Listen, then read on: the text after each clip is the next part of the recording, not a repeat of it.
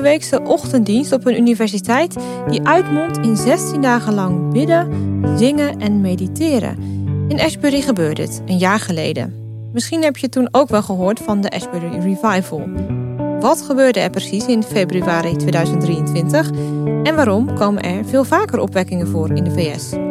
En wat kunnen we als reformatorische christenen misschien ook leren van Ashbury? Bespreek het in aflevering 37 van Sprekend RD met Wim Kranendonk, oud hoofdredacteur van het Reformatorisch Dagblad en kenner van de VS. Do not leave here before you learn about the love of God, experience the love of God, so you can pour it out. Pour it out, pour it out, and He will fill you back up. Asbury, the world needs this kind of love. Ga niet weg voordat je Gods liefde leert kennen. Stort deze liefde uit. De wereld heeft Gods liefde nodig. De slotwoorden van de preek van Zachary Meerkrips.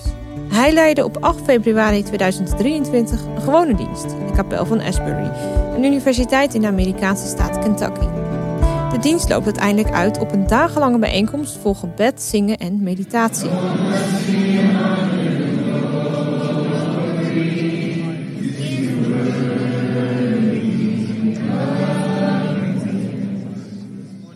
Via sociale media verspreidt de opwekking zich snel over het land. In veel media, onder meer ook in Nederland, wordt erover bericht. Uiteindelijk trekken meer dan 50.000 mensen op een pelgrimstocht naar de universiteit. Bezoekers komen uit het hele land, maar ook uit Japan, Rusland, Groot-Brittannië en Nederland. Mensen staan rijen dik te wachten om naar binnen te kunnen. People camped out, hoping, waiting to get in there. I'm sure there's people outside standing across Estes, McKenna, and Nu zijn we een jaar verder. Tijd dus om terug te blikken op deze gebeurtenis, die door velen een opwekking wordt genoemd. Ik doe dat samen met Wim Kranendonk, die voor de krant een vijfdelige serie artikelen schreef over de opwekking in Asbury. Welkom eh, Wim, fijn dat je bij deze podcast eh, een bijdrage wil leveren. Hey, jij bent veel in de Verenigde Staten geweest, je kent het land ook goed. Ehm, als we eerst even kijken naar die universiteit Ashbury, wat voor soort universiteit is dat eigenlijk? Asbury is een kleine universiteit, ongeveer 2000 studenten. In het zuiden van de staat Kentucky. En die komt voort uit de Methodisten-traditie. eigenlijk onderdeel van de eh, Wesleyaanse heiligheidsbeweging, die in Amerika sinds de 18e eeuw eh, is opgekomen. Eh, het is een, ontstaan als college en een seminarie. Nu is het een universiteit en een seminarie. Ja. Die een heel orthodox-christelijke signatuur draagt. Ja, ja.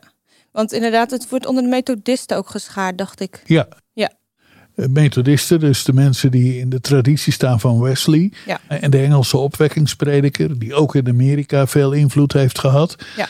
En eh, dat betekent dat de universiteit ook dat stempel draagt. Zowel in ehm, zeg maar de sfeer als in de geloofsbeleving. Ja. En wat betreft de sfeer, het is echt een duidelijk christelijke universiteit. Bijvoorbeeld met een dagelijkse dagopening. Ja.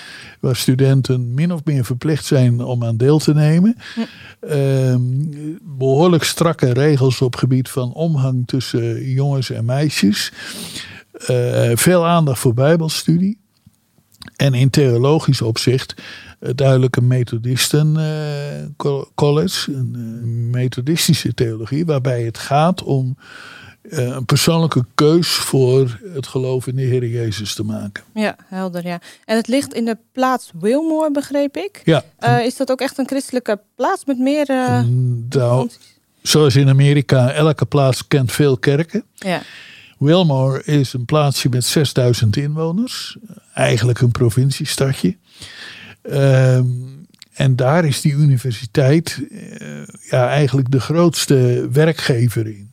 Oh, ja. Eh, maar daarnaast zijn er gewoon eh, ja, normale bedrijven. Geen grote stad, een, een plattelandsstadje eigenlijk. Ja. Zoals je er heel veel in het middenwesten van Amerika hebt. Ja. ja, want we kijken natuurlijk naar die opwekking in Asbury nu eh, ongeveer een jaar geleden. Kun je eens vertellen hoe die toen verliep? Wat gebeurde er en hoe, hoe ging dat in zijn werk? Ja, het begon als een gewone dagopening. De dagopener, uh, dat was eh, eigenlijk de sportleraar die daarnaast ook eh, voorganger is. hield zijn dagopening en ging verder met het behandelen van Romeinen. Na afloop van die meditatie, die dagelijkse meditatie, bleven meer dan gewoon wat studenten achter om met elkaar te zingen, te bidden en te mediteren. En dat groeide in de loop van de dag uit tot een grote bijeenkomst, waarbij heel veel mensen van de universiteit aanvankelijk, zowel studenten als medewerkers, eh, aanwezig bleven. En met elkaar zongen, baden, eh, getuigenissen gaven. Dat eindigde niet toen de, dag, de werkdag eigenlijk ten einde was. Dat Ja. ging door s'avonds. Dat ging door s'nachts. En begon inmiddels ook de aandacht van de omgeving te trekken. Uiteindelijk leidde dat ertoe dat er 16 dagen lang aaneengesloten bijeenkomsten waren. Die aanvankelijk in de wijde omgeving, maar uiteindelijk tot in verre uithoeken van deze wereld aandacht trokken Ja. eh, gebeurde vooral ook via de social media. Eh, filmpjes die door bezoekers waren opgenomen gingen viraal. En die werden binnen een paar dagen door 50.000 mensen bekeken. De landelijke media kregen de aandacht ervoor. Gezaghebbende kranten in Amerika, maar ook in het buitenland schreven erover. En dat leidde ertoe dat mensen uit verre uithoeken, uit Japan, uit Thailand, uit Europa, afreisden naar Esbury om die eh, bijeenkomsten mee te maken. Ja. En men stond echt in de rij eh, om naar binnen te kunnen. En soms moest je daar uren wachten voordat je naar binnen kon. Ja. Een bijeffect was natuurlijk dat de plaatselijke handel daar ook voordeel van had. Eh, om zo te zeggen, de snackwagens stonden bij de ingang van de universiteit. Ja. Ehm, en ja, ook heel veel voorgangers uit de omgeving en ook uit andere uithoeken van Amerika kwamen om daarbij aanwezig te zijn en korte overwegingen, korte meditaties te houden. Ja. Na 16 dagen heeft het eh, bestuur van de universiteit besloten om er een punt achter te zetten. Gewoon om het beheersbaar te houden volgens de rector van de universiteit. Maar wat er inmiddels wel was gebeurd, dat was dat studenten van Asbury besloten hun studie tijdelijk stop te zetten en naar andere universiteiten te gaan. Om daar de boodschap te brengen van er is een opwekking mogelijk. Een andere manier waarop dat het zich verspreidde was dat via Twitter en TikTok er heel veel boodschappen werden uitgezonden. Ja. Eh, daarom wordt eh, TikTok wel de turbomotor van deze opwekking genoemd. Ja. Dat was ook het, de eerste keer dat het op deze manier in de geschiedenis zich verbreidde. Ehm, en ja, iedereen verbaasd was dat dit op dit moment zo massaal aandacht trok en zoveel mensen tot bezinning bracht. Asbury kreeg dus grote bekendheid juist door sociale media. Een voorbeeld. Tien dagen na het begin van de samenkomsten was de hashtag Asbury Revival al ruim 50 miljoen keer bekeken. De dienst werd live via YouTube gestreamd en bezoekers maakten bovendien losse filmpjes van de gebedsbijeenkomsten en het vele zingen. En die filmpjes trokken online ook veel aandacht.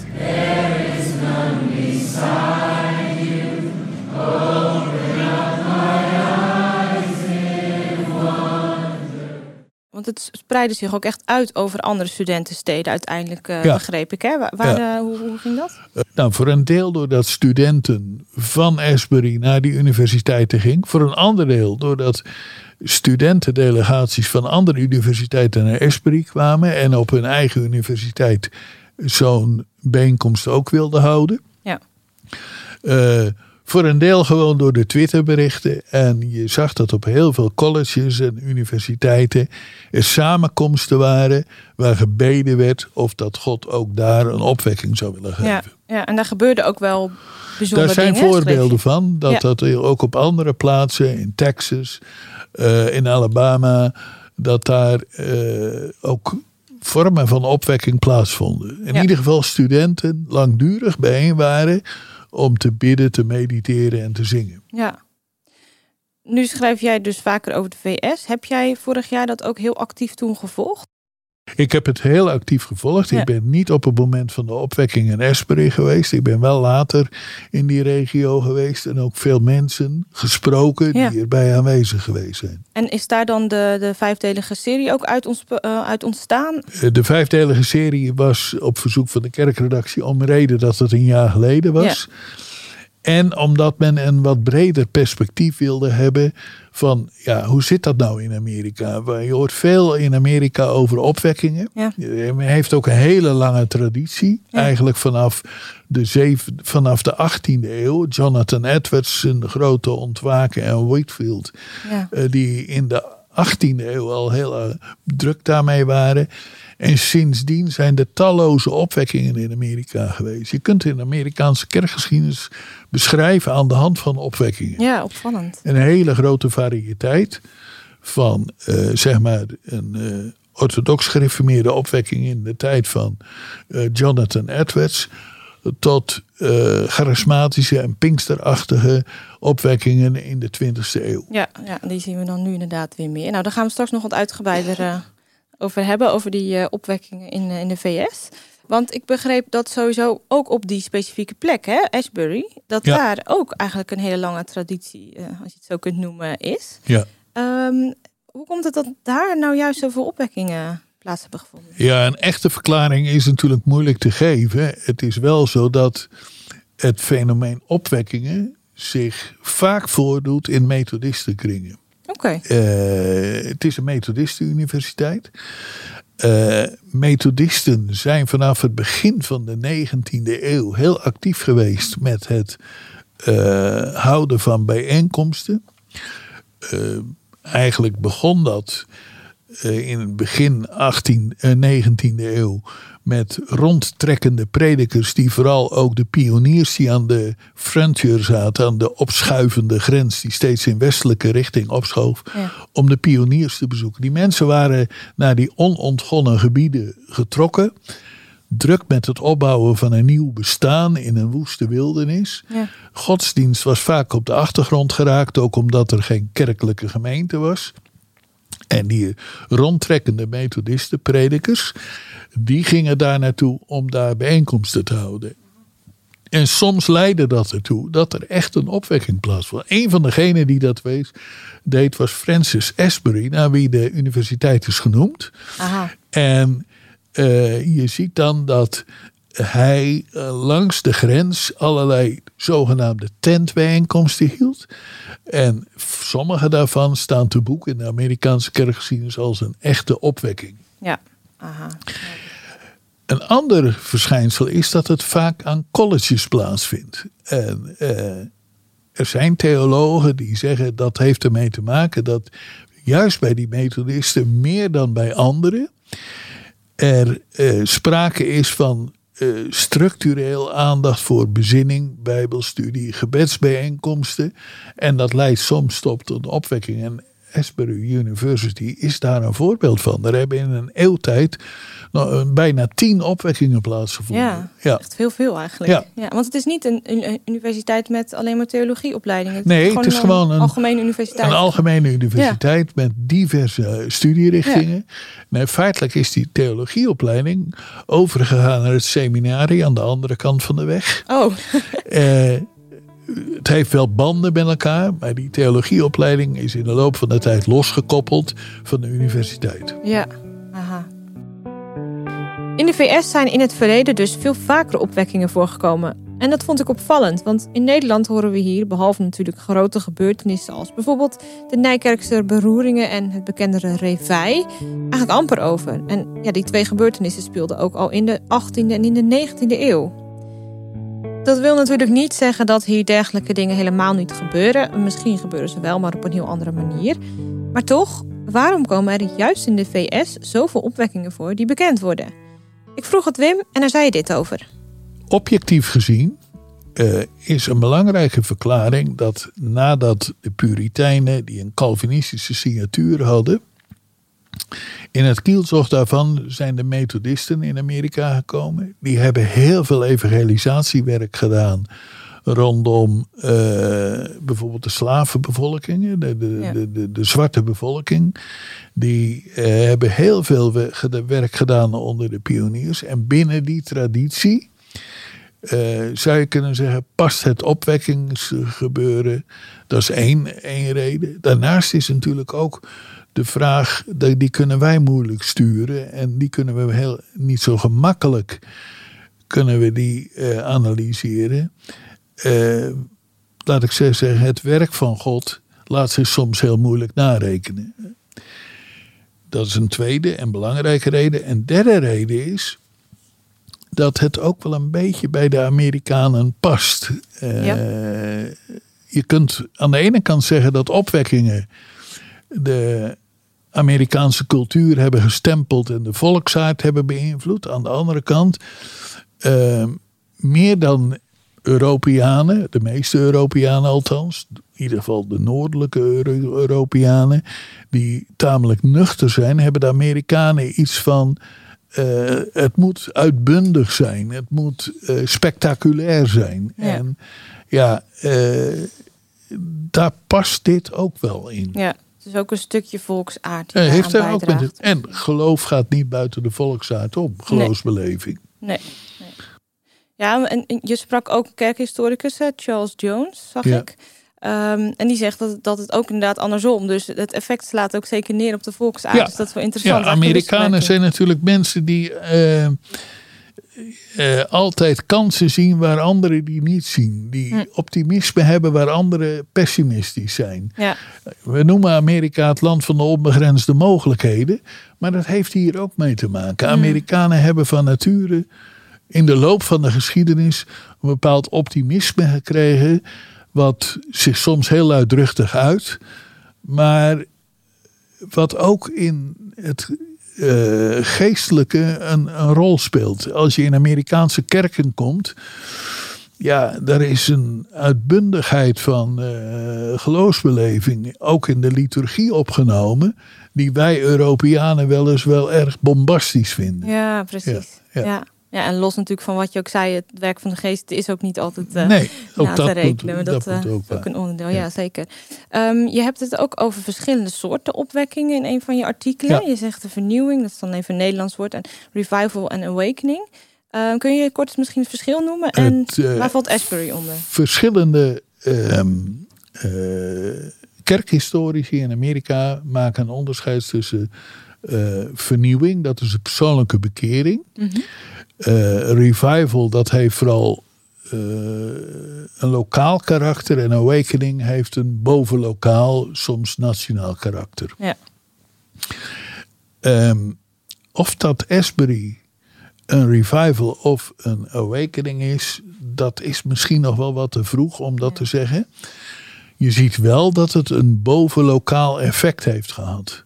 Ja. Eh, uitwaaiering naar allerlei universiteiten, colleges. Eh, geeft aan dat het niet alleen in ehm, eh, Asbury, zelfs niet alleen in de staat Kentucky, waar Asbury in ligt, eh, eh, heeft plaats gegrepen, maar ook daarbuiten zie je effecten van deze opwekking. Ja, ja maar dat, je moet eigenlijk nog een paar jaar, eh, een paar tientallen jaren, Ja. misschien zelfs wachten Ja. voordat je dat kunt, Ja. kunt stellen, denk ik. Ja. Wat is nu, want dat was een van de vragen hè, uit de artikelen. Wat is nu nog eh, eigenlijk het effect? Wat is nu nog te merken van de opwekking die er toen was? Is het, blijf, zijn de mensen blijvend veranderd of eh, ja, zie je toch dat het weg hebt? Wat je in ieder geval ziet, dat schreef de rector vorige week ook, dat studenten meer dan voorheen bezig zijn met persoonlijke bijbelstudie, met eh, samenkomen om te mediteren, te bidden en te zingen. Ja. Eh, dat is een verandering die op dit moment valt te constateren. Wat het blijvend effect is op lokaal niveau, ook daar was hij voorzichtig in. En dat gold ook voor de prediker die als eerste bij die opwekking betrokken was. Eh, die zei onlangs: vruchten kun je pas na een lange rijpingsperiode plukken. Ja. Nou, dat geldt hier ook. En dat merk je ook bij Amerikaanse geestelijke leiders, dat ze in het algemeen redelijk voorzichtig zijn om al te opgetogen over de blijvende effecten van deze opwekking te spreken. Ja. Ehm, dat verschilt natuurlijk. Er zijn er die dat wel doen, er zijn er die heel kritisch zijn, maar de mainstream, de, de hoofdstroom is voorzichtig, laten we de vruchten afwachten. Ja. Ehm, dat neemt niet weg dat het een positieve ontwikkeling is dat de Amerikaanse, aan een Amerikaanse universiteit eh, tientallen studenten, honderden, elke dag tijd nemen voor Bijbelstudie met elkaar, over het geloof praten. Daar kun je alleen maar blij mee zijn als je dat vergelijkt met de decadentie aan veel andere universiteiten. Ja, en ook als je het vergelijkt met Nederland, hè, dat is natuurlijk verder een beetje buiten het bestek van deze podcast. Maar eh, dat, dat, ja, waar vind je dat en welke universiteit vind je dat in Nederland nou? eh, behalve de theologische universiteiten misschien. Ja, ja. ja, want wij kijken natuurlijk vanuit onze reformatorische achtergrond naar zo'n ontwikkeling. En dat kan, wat jij eerder ook al zei, hè, qua beleving best wel verschillend ook zijn. Het is wat, misschien wat onbekend. Kunnen we daarin ook misschien soms te snel eh, iets, iets afschrijven? Hoe, kijk jij er zelf naar? hierin is voor mij best wel eh, bepalend wat Jonathan Edwards zelf schrijft. Jonathan Edwards was de eerste Amerikaanse prediker, een overtuigd Calvinist, die een opwekking meemaakte in zijn gemeente waar heel bijzondere dingen gebeurden. En die heeft na enige tijd, naar aanleiding van die opwekking, een boek geschreven over religieuze gevoelens. Hoe heet En- dat boek even voor de Eh, religieuze gevoelens. Oh, Onder er die titel is hij ook Ja. eh, in het Nederlands verschenen. Ja. In dat boek schrijft hij dat we moeten oppassen voor twee klippen. De ene is dat we vanuit nuchtere, verstandelijke overwegingen alles wegwuiven en afschrijven. Van dit kan niet en eh, past niet en dit hoort niet en eh, dit is niks. Aan de andere kant dat we ook moeten oppassen om ons niet mee te laten slepen eh, in een euforie over de spontane uitingen van geloof, van blijdschap en eh, opgetogen getuigenissen.